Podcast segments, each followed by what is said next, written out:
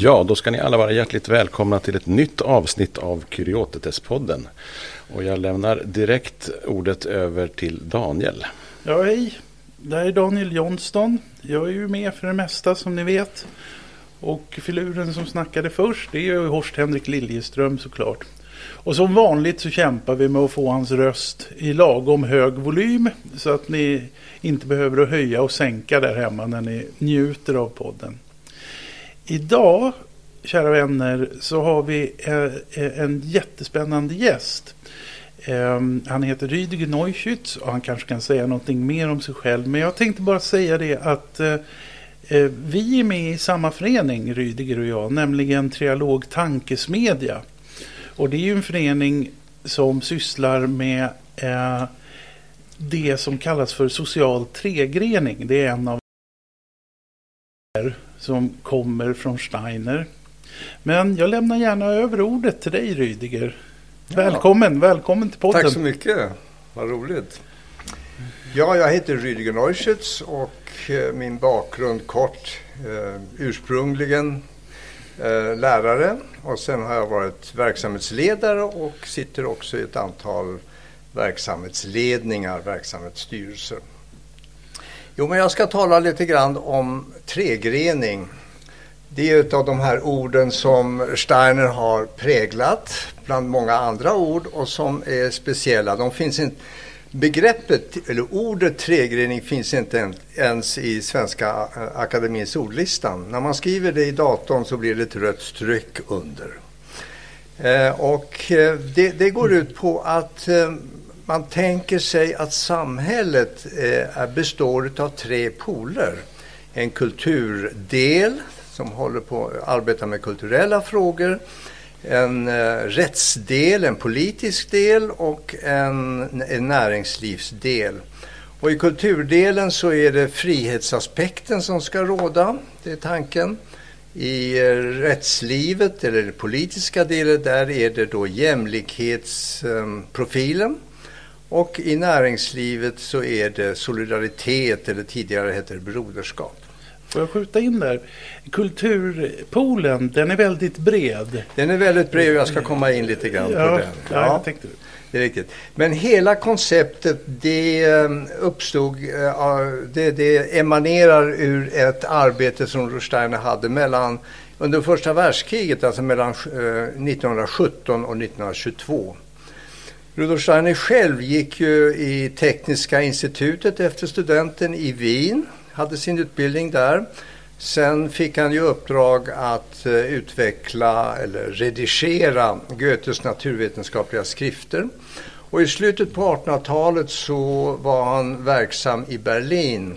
Han eh, Bland annat så redigerade han litterära tidskrifter men ganska stor del av 90-talets sista år så arbetade han i, som utbildare i Berlins arbetarbildningsinstitutet. Eh, det hade man ju då och det är ungefär som ABF eh, var här i Norden, i Sverige. Och eh, under den tiden så iakttog han ju väldigt många frågeställningar och fenomen och det var ju, många, var ju arbetare som gick där och då fastslog han ett tema eh, som han själv kallar den sociologiska huvudlagen. Nämligen att eh, den utbredda, det utbredda tänkandet kring grupper, alltså grupptänkandet, att man är delaktig i en grupp eh, mer och mer avlöses av en individualiseringsprocess. Det vill säga varje människa behöver, ska ha sitt inre rum för att kunna utveckla sina förmågor, sin kreativitet, sitt andliga liv. Det är privat för varje människa, det vill säga frihetsaspekten. Några år senare så skriver han en liten essä där han eh, i den tiden, alltså det är i början av 1900-talet, i, man kan säga globaliseringstendensen, världshandeln har kommit igång, eh, tydlig arbetsdelning, det vill säga själv, eh, självförsörjningsprincipen över, överges mer och mer. Mm. och, och mera den här arbetsdelningen. Och då, då fastställer han att egentligen så är ju allas väl höjs, blir bättre ju mindre den enskilda egoismen får breda ut sig. Och ju mer man täcker genom sitt eget arbete andra människors behov. Och sen lägger han till också lite förtäckt det, det vill säga att man skiljer på arbetets, arbetsinsatsen och lönen, inkomsten. Man skiljer på det. Så det, det är sådana här två eh, uppsatser, det vill säga individualiseringsprincipen är frihet och eh, den här arbetsdelningen är solidaritet. Och ehm, eh, ja, det, det, är ett sånt här tema. Eh, tider går. Han, Rudolf Steiner har ju andra, massa andra uppdrag. Han kommer ju in i också arbeta med det teosofiska samfundet. Är med där i den tiden. Och nu hoppar vi fram till 19, eh, 1914 då kriget började. Var ju mordet i Sarajevo eh, och Österrike plötsligt förklarar krig till, mot Serbien och Tyskland kände sig föranledd att bistå eh, Österrike eftersom Ryssland mobiliserade och så kom plötsligt Tyskland att förklara krig till, mot Ryssland. Och, eh, och, och, i det så kom ju ententen, det vill säga England och Frankrike också förklara. För inom en månad så hade Europa förklarat, de europeiska länderna förklarat krig mot varandra. Och då var det så att um, Steiner kände, eller vi ska säga generalöversten, eh, generalstabschefen i Tyskland, von Moltkes fru, var bekant med Steiner. Och eh, von Moltke hade hamnat i en jättesvår situation just vid krigsbörjan, det vill säga att kejsar Wilhelm gav kontraorden till vad, vad Wehrmacht eller krigsgeneralstaben eh, gav. Och, det, och för det var inte avsikt att förklara krig riktigt. Och, det, och von Molke eh, kom väl i, i, en svår situation och bad om ett samtal med Steiner. Bara för att få personliga råd. Hur gör jag i det här? Så Steiner kommer ju att komma in eh, ganska snabbt in i det politiska livet där i, i, i Berlin. Och tog del utav det. Ehm, 1916 då, eh, han följer med på avstånd vad som händer. 1916 så var det flera element i både österrikiska regeringen och tyska regeringen som ville eh, eh stifta fred och bad USA om att medla fred. Då var det president Wilson där. Och de nekade till det. Och då startade ju Tyskland så småningom det oinskränkta ubåtskriget och då blev det bara värre och värre och det misslyckades. Och 1917 då var det kan man säga i ledningsgruppen i Berlin ganska kaos. Och nu var det så att flera i ledningsgruppen, alltså både regering och råden, de hette råd då, var faktiskt antroposofiskt bekanta och kände Steiner. Och, ehm, och ehm, då var det bland annat en som hette Graf Lerchenfeld. Han satt i Bayerns råd men också i Berlin. Han begärde, bad om ett samtal med Rudolf Steiner sommaren 1917 och fick det också. Och frågade, här är det kaos, den ena vet inte vad de andra gör och vad gör vi i det här läget? Och då var det ju så att president Wilson hade på något sätt eh, eh haft ögonen genom att han fick den här förfrågan om fredsförhandlingar. Eh, en bild av vad, vad gör vi i Europa och då började han att skissera på de kända 14 punkterna. Det vill säga Europas olika etniska grupper ska självständigt kunna bilda självständiga stater. Det vill säga staterna ska vara fria. De olika grupperna skulle kunna vara fritt i sina stater. Och, eh, det, det, det, var. och det där låg till grund för Steiners fundering han sa, nej stater kan inte vara fria, det är bara människor som kan vara fria. Utifrån det yttersta frihetsbegreppet. Stater, där är, speciellt i Europa, där det är ett sånt konglomerat av både olika religioner, olika etniciteter, Ungern, Rumänien, eh, Tjeckoslovakien, eller det som blev Tjeckoslovakien och så vidare. och eh, tyskar och, och eh, uh, majarer och så vidare. Så att där behöver man hitta en annan lösning och då eh, fick Lärchenfeldt, som jag nämnde just nu, ett samtal med Steiner och de satt och funderade på sommaren 1917 över hur gör man det här. Så de funderade och funderade och så skrev de ett memorandum som de ville skicka till alla statschefer i, eh, i eh, vad ska jag säga, ledningen i både Österrike och Tyskland.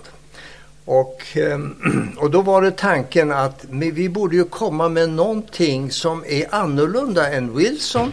Och sen var det ju i Ryssland också pågående Trotskij, eh, alltså den mera bolsjevikiska eh, systemet. Vi borde komma med någonting från Mellaneuropa.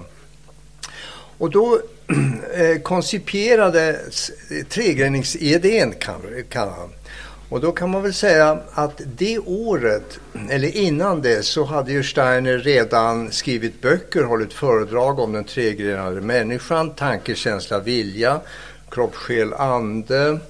Eh, och 1917 också i början att den fysiska kroppen, alltså människans fysiska kropp, eh, som en organism har tre olika poler. Nervsinnespolen, alltså det intellektuella och hela nervsystemet Ehm, eh, rytmen, hjärtat, andningen som en pool och eh, ämnesomsättningen och viljan och, och lemmarna i en pool. Och de, det ska finnas en balans mellan de två i människan.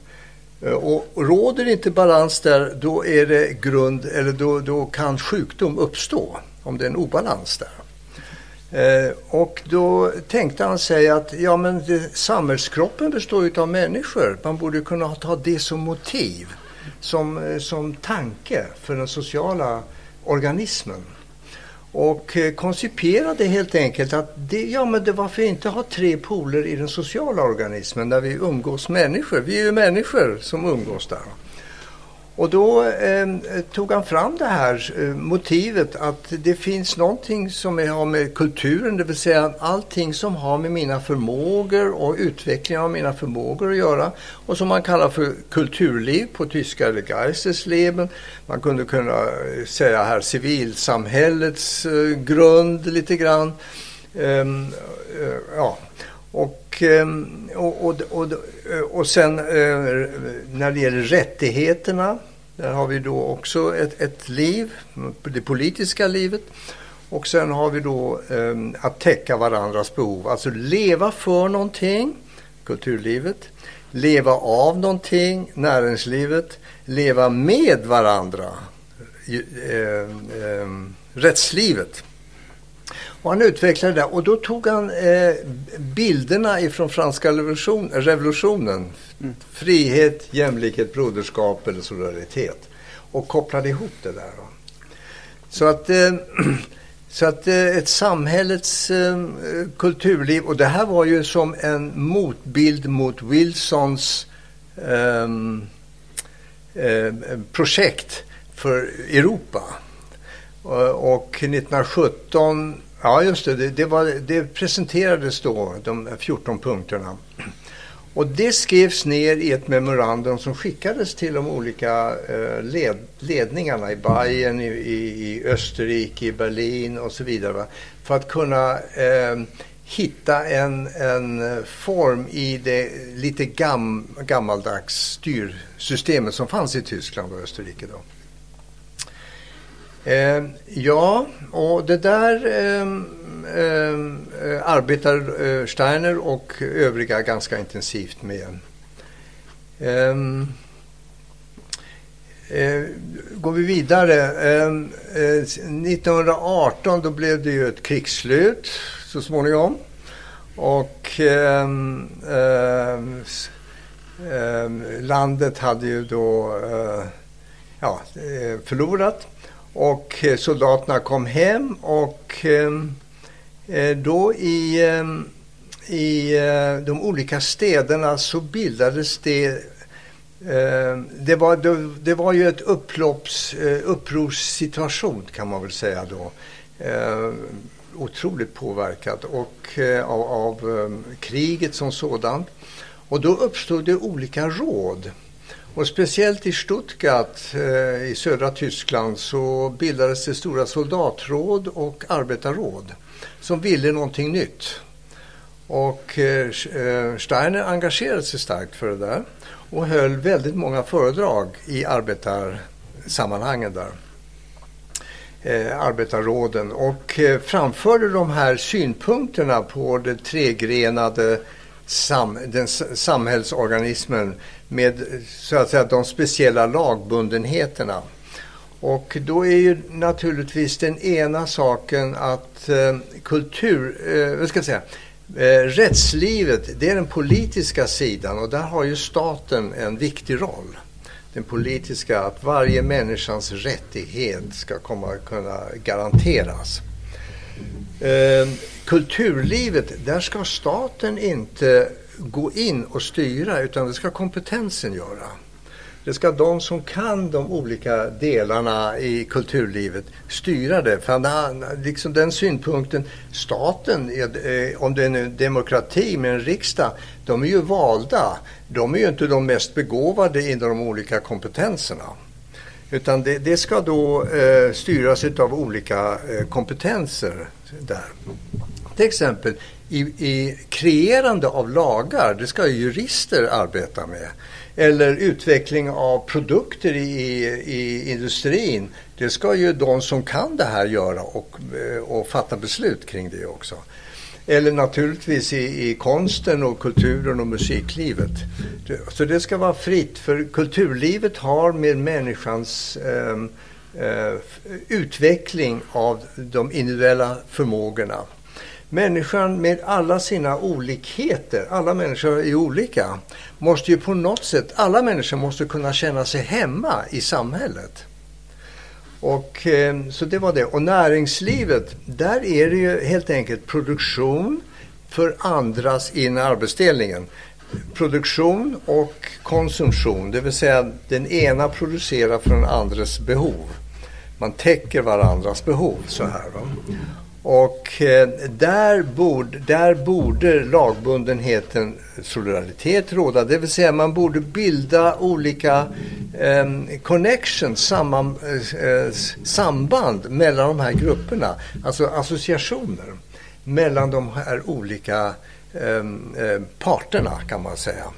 Alltså ett associationsförfarande så att det inte styrs av eh, något politiskt inriktning. Så det, det, är det konceptet som diskuterades. Så att i Stuttgart där det var eh, ganska um, intensiva, eh, Robert Bosch och Daimler hade alla sina stora um, uh, olika råd där Steiner höll föredrag och arbetade upp det här. Till och med borgmästaren, Blome hette han väl i Stuttgart, var med på det här. Och ehm, um, Delmont och flera företag. Och där var det bland annat en, en cigarettfabrik som heter Waldorf Astoria som herr Molt som eh, ledde det var väldigt engagerad, antroposofisk också. Och eh, men med ungefär 1500 arbetare, mest kvinnor för männen hade ju varit ute i kriget. Och ehm, eh, höll då föredragen också där i, i fabriken. Och eh, då var första experimenten när det gäller kulturlivet, det vill säga att Molt och Steiner kreerade den första Waldorfskolan där. Så att alla de som arbetade, arbetarnas barn skulle kunna vara i en fri skola. Där pedagoger och så vidare utvecklade pedagogik som var eh, anpassad till barnens ålder. Så, här. så där startade första, första Waldorfskolan 1919 i Stuttgart. Det här arbetet fortsatte och eh, så småningom så tyckte ju folk att nej men hallå, vi borde ju skriva någonting om det här. Och i början på 1919 tror jag, ja, då skrev han en bok som heter då Kärnpunkterna i sociala organismen. Kärnpunkterna i den sociala organismen som trycktes i 40 000 exemplar och delades ut i, i landet och fick eh, lysande recensioner. Jag har skrivit ner några recensioner. Det är den bästa boken som har skrivits på länge. Och den översattes samma år till svenskan också. Det gavs ut i första upplagan 2-3 tusen ex och delades ut. Så, och eh, var någonting som tiden behövde där då. Eh, Trägreningsrören fortsatte då med massa föredrag och eh, även konkreta eh, Ehm, eh, insatser genom att väldigt många ja, 40-tal, många 40-tal olika företagsledare eller företagsägare bildade en koncern.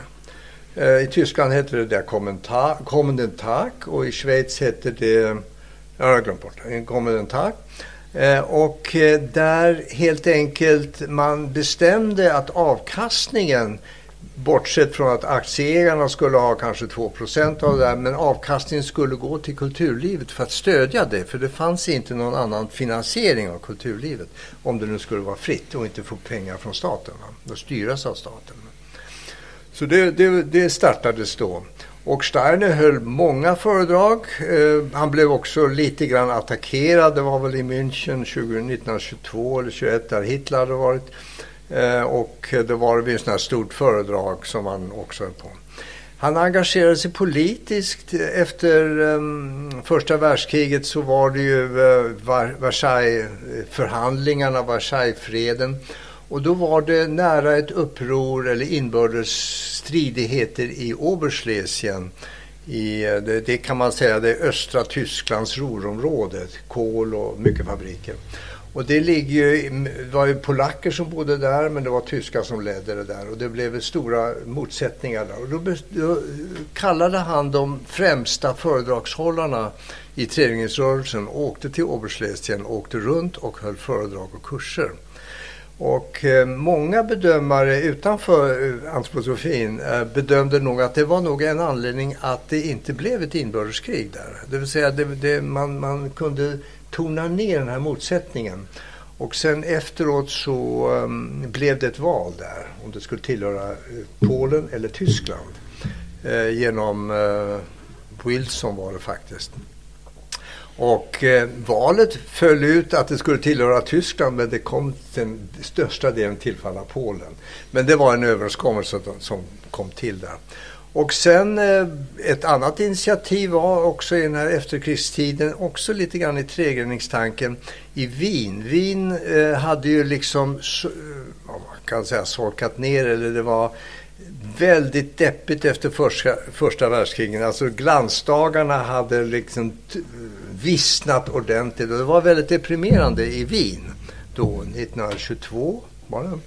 Och då bestämde han eh, tillsammans med väldigt många att hålla en konferens i Wien och hyrde den största kongresshallen där och bokade in den för en konferens i kultur och eh, utvecklingsfrågor eh, 1922, på sommaren 1922 tror jag det var. Och, ehm, och den finns ju nedtecknad.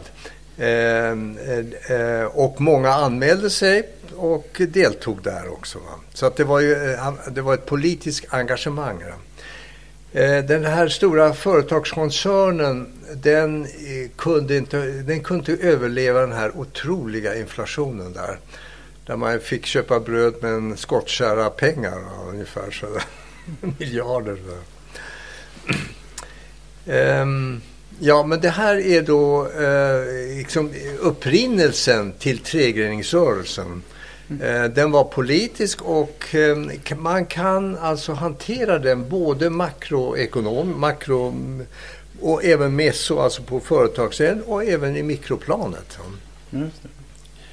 Ja, tack för den dragningen. Ja, Får jag ställa en fråga där? Alltså, eh, alltså jag är inte så väldigt insatt i, i varken historien eller tregreningstanken. Men jag tänker alltså utifrån någon slags, eh, idag pratar vi höger och vänster och Galtan och så vidare. Eh, på den tiden alltså, så, så, var det ju också politiska strömningar. Alltså hur, jag tänker själva tanken kan ju någon inte riktigt ha någonting emot så att säga. Oavsett om man är höger, höger alltså kanske makthavare ur näringslivet eller arbetare vänster. Kan du säga någonting om det? Nej. Eh, att, att den här rörelsen, speciellt i Sydtyskland, inte gick igenom det var att fackföreningarna var emot det här. makten från facken skulle försvinna på Ja. det viset. Mm. Och eh, även näringslivs, vissa näringslivschefer eh, eller ledningar var också emot det här. Va? För då skulle makten från dem också försvinna. För de levde i den här gamla motsättningen, Marx, alltså Mm. Ja. arbetare, Ja, ledning helt enkelt. Va? Man ska inte, arbete inte vara, alltså de, de kämpar på olika sätt det här. Va? Så det var en, en upprinnelse till det här. Det här är ett helt nytt tänk egentligen. Ja. Det vill säga att frånsäga, ge mandat till olika poler i samhället. Men samtidigt, eh, det är ju intressant att Steiner säger egentligen borde det heta fyrgrening. Det vill säga de här tre polerna har sina lagbundenheter men de måste samverka. Det. Så det är hela tiden helheten, ungefär som människan, vi är en helhet. Så. På ett, Ja. sätt, på ett sätt får man ju känsla av att projektet Projektet är ett sätt att eliminera politiker ur samhällsprocessen. Förstår du vad jag är ute efter? Ja, ja, ja, ja. Att man liksom, med politiska strömningar, man pratar om kompetenser till exempel. Eh, Man kanske, idag pratar vi kanske om expertstyre eller vad vi kanske pratar om på- på ett sätt. Ehm, eh, Det, det är ju möjligt att man var otroligt trött på politiker i, vid den tiden och, tid, och politikerna hade liksom inte bidragit egentligen för att göra saker och ting bättre. Jag vet inte. Nej, det var ju tre kejsardömen följer då och, och det var ju verkligen något nytt. Och alltså i Tyskland var det ju en revolutionär stämning mellan bolsje... Alltså Ryssland hade ju haft sin revolution Mm. och det var väldigt många kommunister i Tyskland, i Absolut. Berlin. Det var ju mycket skottlossningar. Och sen var det nationalisterna. Ja, Vi har ju idag också lite grann, men, men det var mycket starkare då. Ja. Ehm, eh, så att det, det gamla tankesättet levde kvar. Det är inte så lätt att lämna ifrån sig. Ehm, Ehm, det, men det här är ju, det här är ju mera... eh, eh, vi uppfattar ibland som ett system eller metod, men så som det beskrivs så är det en beskrivning, alltså det är ett försök att beskriva hur livet är va, i den sociala organismen. Va. Och, ehm, och, och försöker vi titta på eh, idag så betraktar man, betraktar man, eh, kan, kan man ju betrakta att i kulturlivet så är det ju inte bara skola och bildning och utbildning, universitet och konst och musik och så vidare. Utan det är också sjukvård och allt sånt som har med kompetensutveckling att göra. Ehm, och, ehm, eh, men samtidigt så är vä- välfärdssektorn skulle man kunna betrakta som rätts, i rättslivet. Det vill säga det är varje människans rätt att kunna få pension. Eller rättighet. Mm. Eller att kunna få, idag, att kunna få vård eller utbildning. Mm. Det, det innebär. Men själva utvecklingen av utbildningssystemet, alltså utvecklandet av utbildningssystemet ligger inom kultursektorn. Just det. Eh, det, det är ett annat tänk. Så här? För att annars så sätter man det i fåror så här och sen finns det lagar där och det ska följas. Utan det väver in i varandra. Utan det är ett sätt att förhålla sig till och analysera ett skeende. Mm, Jag har en till bild där. Eh, när man tänker på det här med eh, att det ska, liksom, det ska vara eh, någonting som så att säga genomsyrar vars och en utav de där polerna. Då skulle man ju kunna göra en ganska grundlig analys av det ekonomiska livet och så kan man säga att frihetsgraden är för hög idag. Frihets... Frihetsgraden är för hög i det ekonomiska. Alltså de får bestämma själva för mycket. Alltså som en slags grundanalys. Alltså, men, skulle du kunna utveckla det? Ja, men, eh, idag så styrs ju väldigt mycket av näringslivet. Det är Precis. näringslivet som styr. Vi har ju New Public Management-systemet Ja. i alla sektorer. Precis. I kultursektorn till och med. Mm. Alltså i kultursektorn så värderar man någonting och så sätter man ett pris på det. Prick. Man värderar musik, man värderar en patient, man värderar det och så sätter man ett pris på det. När jag var i sjukvården så var det ju det här med eh, diagnostiska eh, prissättning på olika diagnoser utan att överhuvudtaget titta på vad det är för patient. Va? Det infördes då på 90-talet. Och, eh, eh, så att vårt samhällsliv idag styrs ju väldigt mycket av näringslivet. Där de uppfattar friheten som den. Mm. Konkurrens ska egentligen vara i kulturlivet.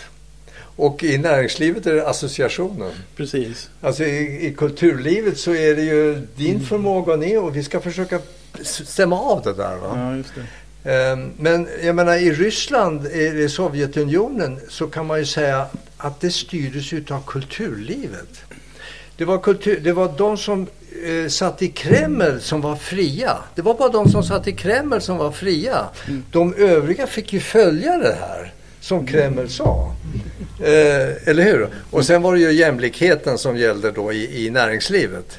Så det var fel, eh, eh, fel eh, eh, impuls i fel, på fel område. Ja, men det var det jag var lite ute efter. Men du menar att det inte är, för, det är inte en för grund analys utan det är en rätt så bra sätt att tänka över saker och ting.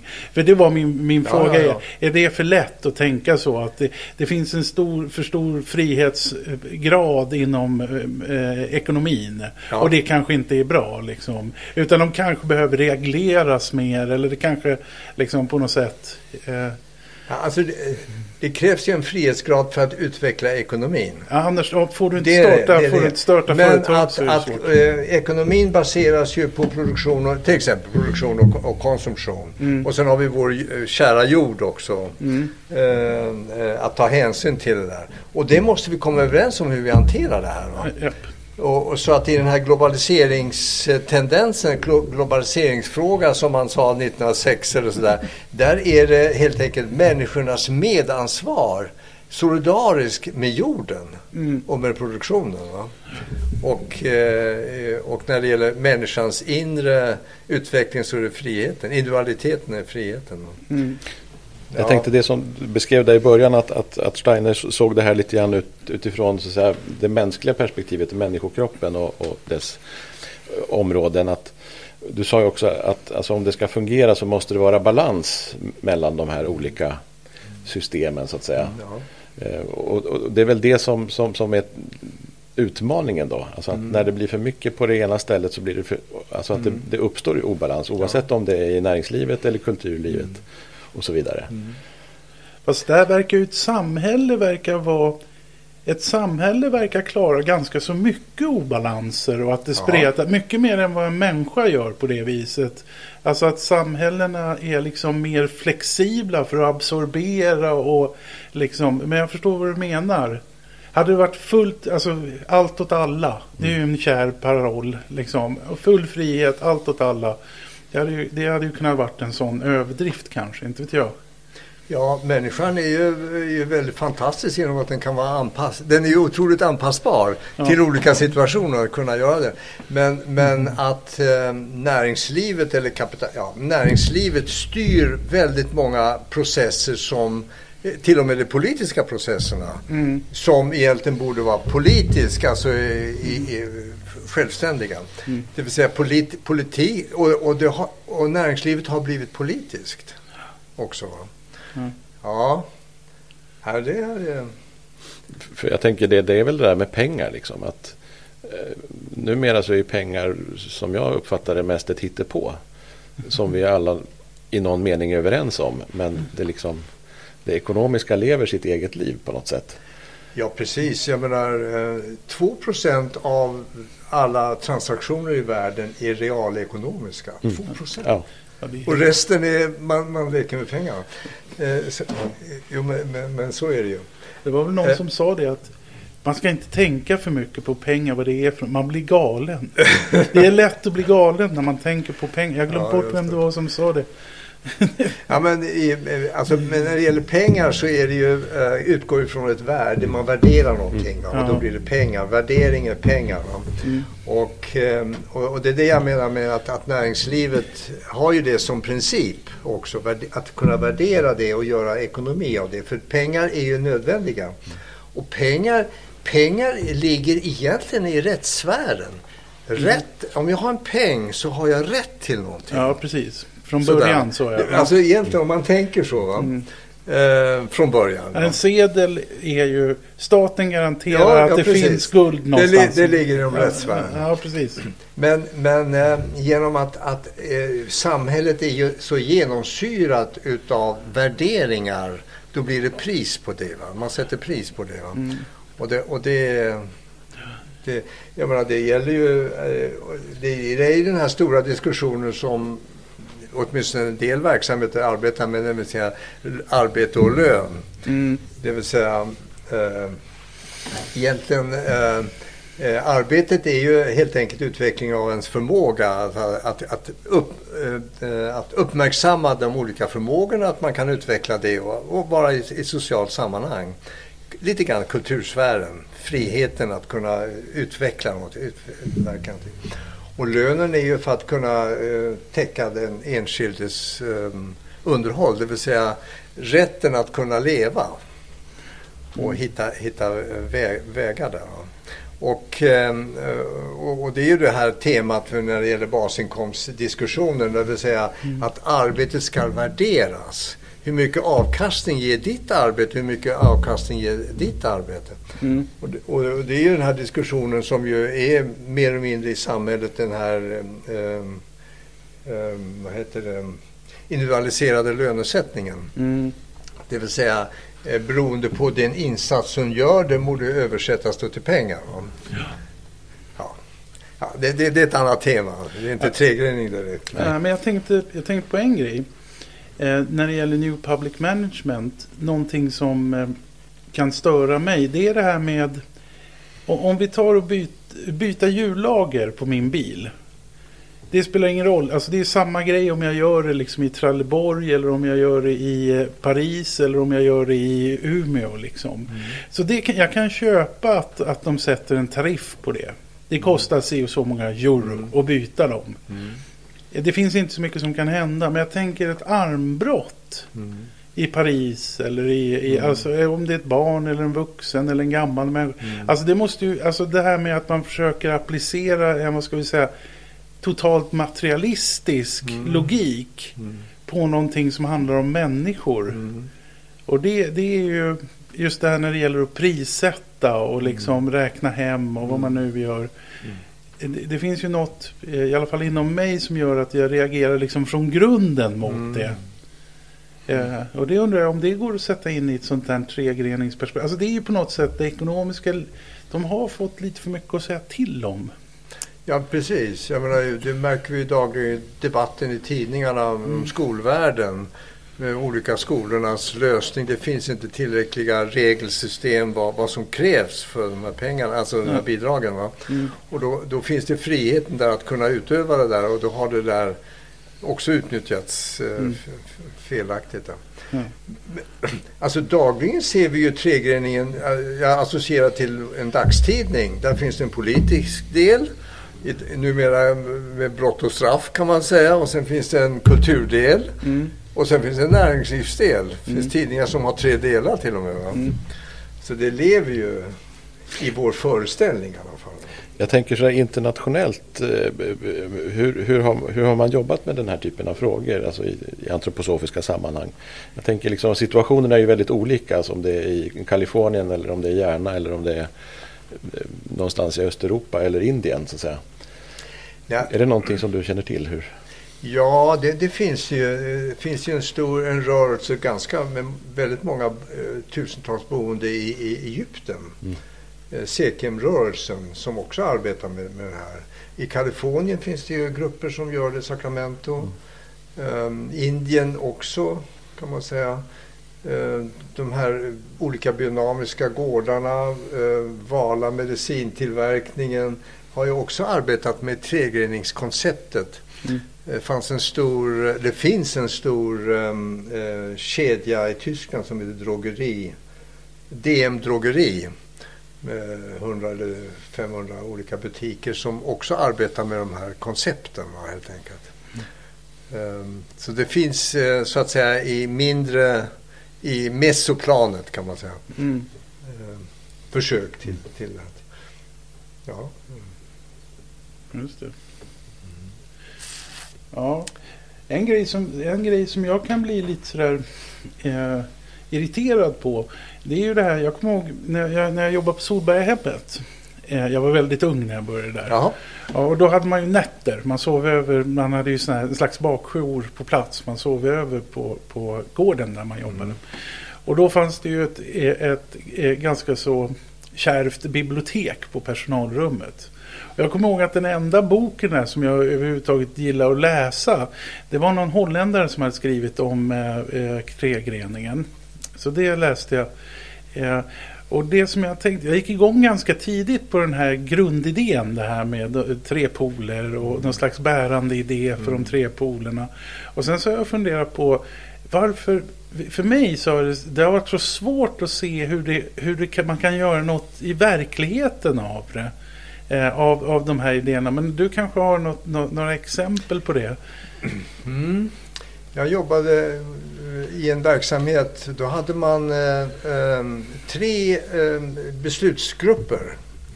Eh, en, en beslutsgrupp eh, eh, var när det gäller anställningar och medarbetare. Sen fanns det en ekonomigrupp och sen var det då utveckling av själva verksamheten. Mm. Ehm, och ehm, och de, de hade sina möten, veckomöten. Och sen en, eh, en gång i månaden så träffades vi tillsammans så här. Försökte göra. Och verksamheten hade väl ungefär 80-90 medarbetare.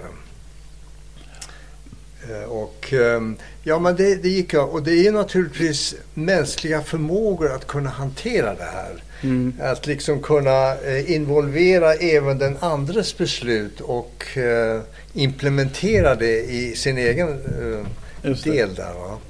Så det var... eh, Eh, ja, och eh, många i omsorgen, alltså läkepedagogiska och socialterapeutiska verksamheter har ju också arbetat i tregrenings... Mm. Och sen finns det ju en rörelse som heter Camp Hill i eh, både Sverige och i Skottland och i Tyskland. Camp Hill-rörelsen som ju har det som ett koncept. Mm. Det vill säga man lever i en organismen och så finns det olika enheter som hanterar då ekonomi och eh, kulturlivet och eh, det rättsliga, avtalen. Ja, där, där, vi skulle kunna prata lite om en annan grej som är, det, det tangerar väl lite det här vi pratar om nu. Vad handlar det här med självförvaltning om egentligen? För det är också ett begrepp som finns inom antroposofins, alltså bland Ja.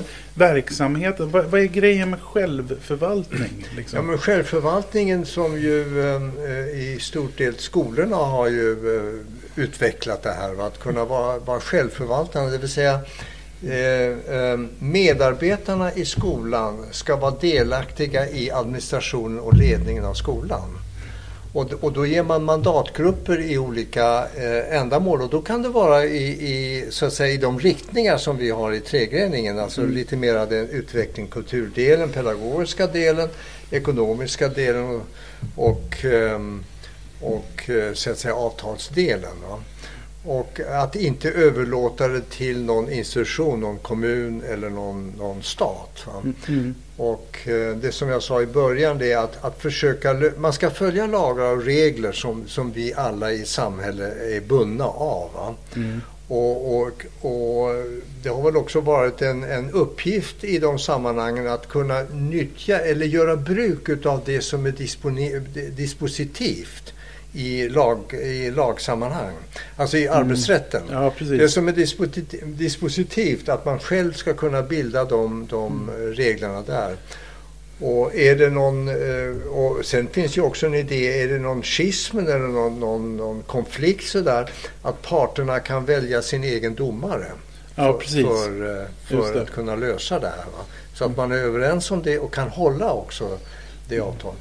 Men när det gäller självförvaltningen, ja det är att helt enkelt ta på sig den extra uppgiften, om man nu är en skola eller i en vårdinrättning, Mm. att, att bära verksamheten, det vill säga medveten om verksamhetens existens, det Mm. existentiella där. Och det är både rättslivet, kulturlivet, att alla trivs och att, alla, att det finns, utvecklas Mm. och att det också fungerar ekonomiskt. Mm. Så att man är medveten om det och då har man ju omgivningen kring som måste förhålla sig till. Självklart. Så, så det är skolornas självförvaltning är ju det och det, det har varit mycket diskussion kring det. Va? Ja, precis. För det är en extra börda också. Va? Ja.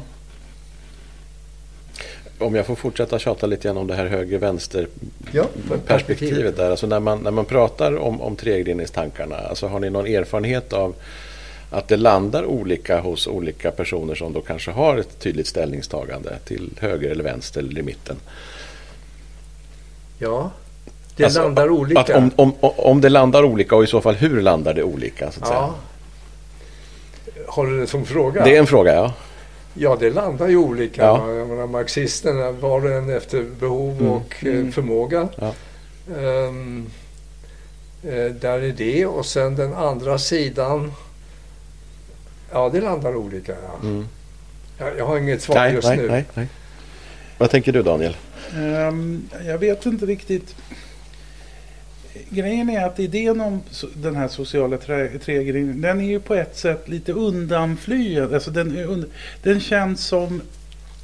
Ja, det är lite som vanligt med Steiner och det här är en skum känsla. Det känns som idéerna från Steiner, eh, eh, vi har liksom inte hunnit kapp som människor. Förstår ni den skumma grejen med att till exempel social tregrening är ett system för människor som skulle funka för, för människor som är mycket mer avancerade än vad jag är. Eh, förstår du? Det är en sån här grej som jag har just vad gäller den idén. För att det, jag tror inte det är jag tror inte det är, det går inte att rita in i Galtan eller i Nej, vänster höger på det så lätt. Eftersom det, det handlar ju liksom på ett sätt så är ju det här konstigt nog hyperindividualistiskt liksom på ett sätt. Eh, och och det, det finns en sån här... Samtidigt som det finns ett element av solidaritet. Så att säga. Ja, eller, eller vad ska man säga, en slags socialism Mm. eller en Ja, slags ja. gemenskap, idé eller någonting sådär. Och också en, Anarkismen. ja precis, ja anarkismen kanske ja, precis. Att den är, eller möjligtvis, ja just det, precis.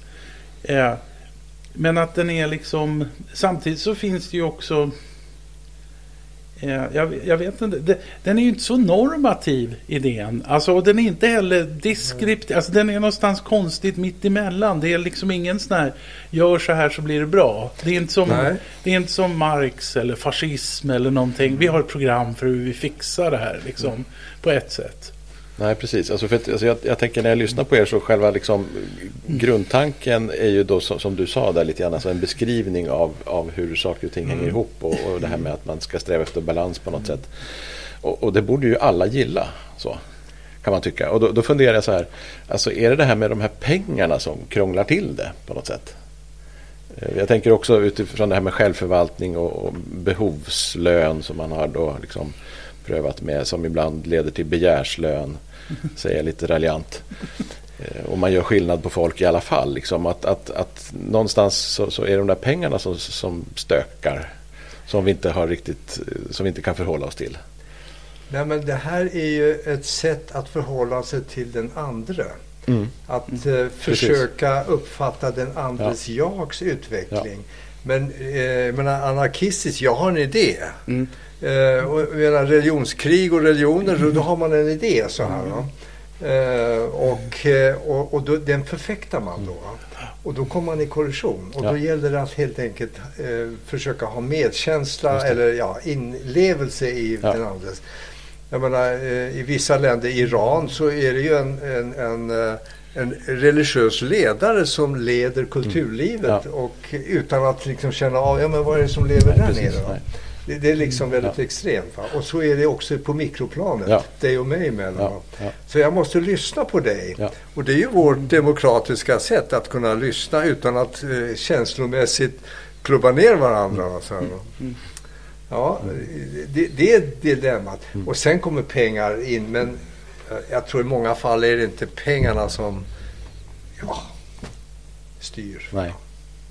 Mm.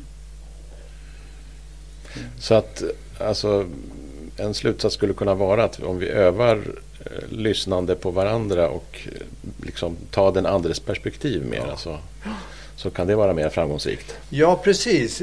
Lyssna in i din situation. Om du säger att du, nej men självförvaltning, jag kanske inte klarar av det med självförvaltning. Men självförvaltning betyder ju också att man respekterar mandatuppdraget. Precis. Man har två, det får man, organisatoriskt måste man ju ordna det där. Och Ja, det ja. krävs lite grann, en uppoffring. Att nu är det du som sköter det där och du sköter det. Mm. Och jag, jag fingrar, jag har inget ministerstyre där så att Nej. säga. Nej. Och sen har man en styrelse och sen har den sitt ansvar. Så att själva det ansvarsdelen måste vara tydligt beskrivet. Det är ju rättslivet. Mm. Jag tänkte också på det där med eh, det, det finns ju idag så finns det ju en underströmning som håller på och bryter igenom liksom och kommer fram.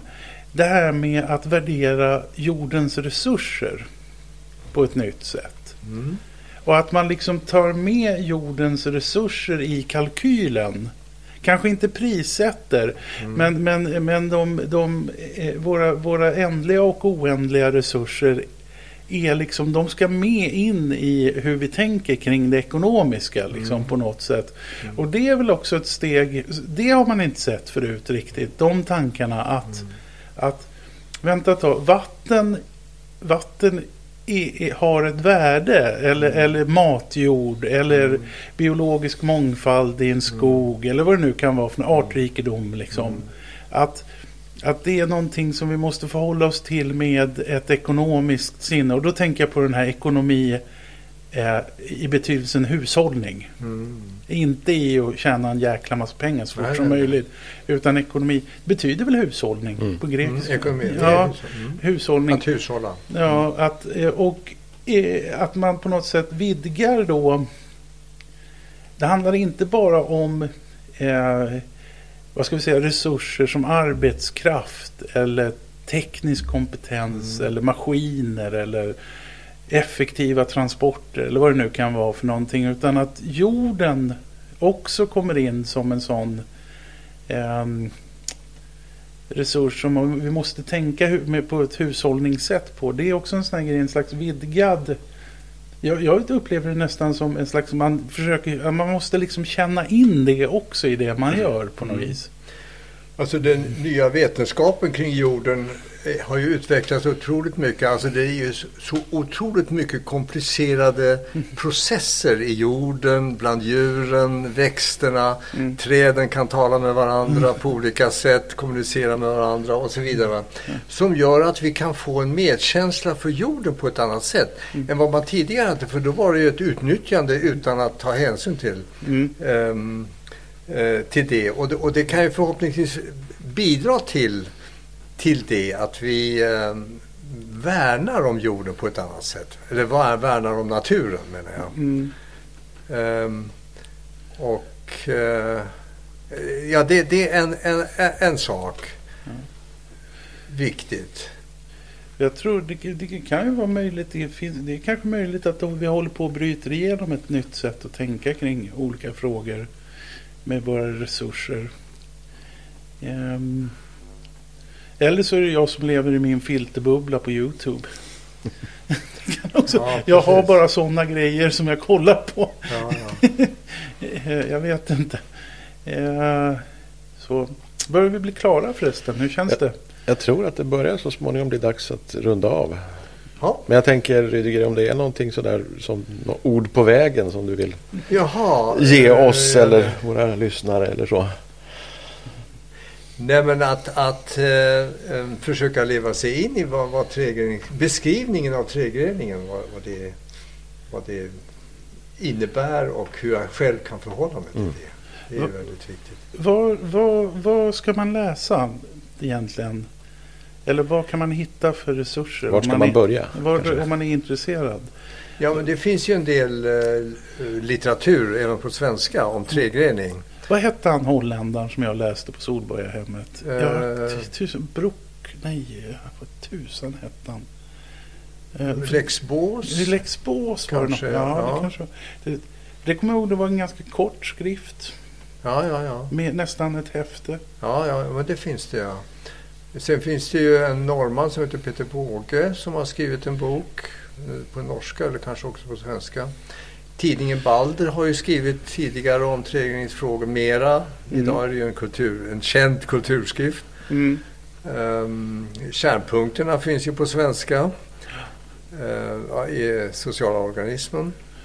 Vill man gräva ner sig lite djupare så kanske är Steiners nationalekonomiska kurs är någonting? Eller vad säger ja, du? det, den handlar ju om, om ekonomiska processer och, och beskrivning som Steiner. Ibland inte så enkla Mm. eh, processer men, det- men det är en del av det. Typ. Mm. Mm. Så sen tänkte jag på, alltså vi måste väl passa på att göra lite mer reklam för att alltså trialog finns ju och där jobbar ni som jag förstår. Och- det arbetet kan man väl följa på något sätt. Ja, ja. Det är trialog.se är hemsidan. Vi finns också på Vimeo. Trialog tankesmedja. Mm. Eh, och där kan man kolla. Vi har hållit på nu. Vi har faktiskt hållit på och filmat och lagt ut för, för seminarier och annat i tre, fyra år. Så att det finns jättemycket filmer där om man vill kolla. Eh, och då har vi inte bara jobbat med eh, tregreningen. Vi har jobbat med kunskapsteori. Eh, och sen har vi jobbat om den här frågan som är aktuell just nu. Eh, sen några år, nämligen om eh, vetenskapen bör bry sig om det andliga överhuvudtaget. Det är också en sån här viktig fråga som har varit central. Så det är bara att kolla in där. Och som vanligt så, så tar vi gärna emot kommentarer och synpunkter antingen via sociala medier. Vi finns på Facebook och Instagram. Men det går även bra att eh, mejla till kuriotetespodden gmail.com. Säger jag rätt nu? Ja, det Ja. var rätt. Precis. Tack så mycket Och då Rydiger. svarar vi på frågorna. Ja, det gör vi. Det gör vi gärna. Tack så mycket Rydiger och Ja. tack till alla där ute som har lyssnat. Ha det så bra vid vårvädret. Tack. Tack så mycket.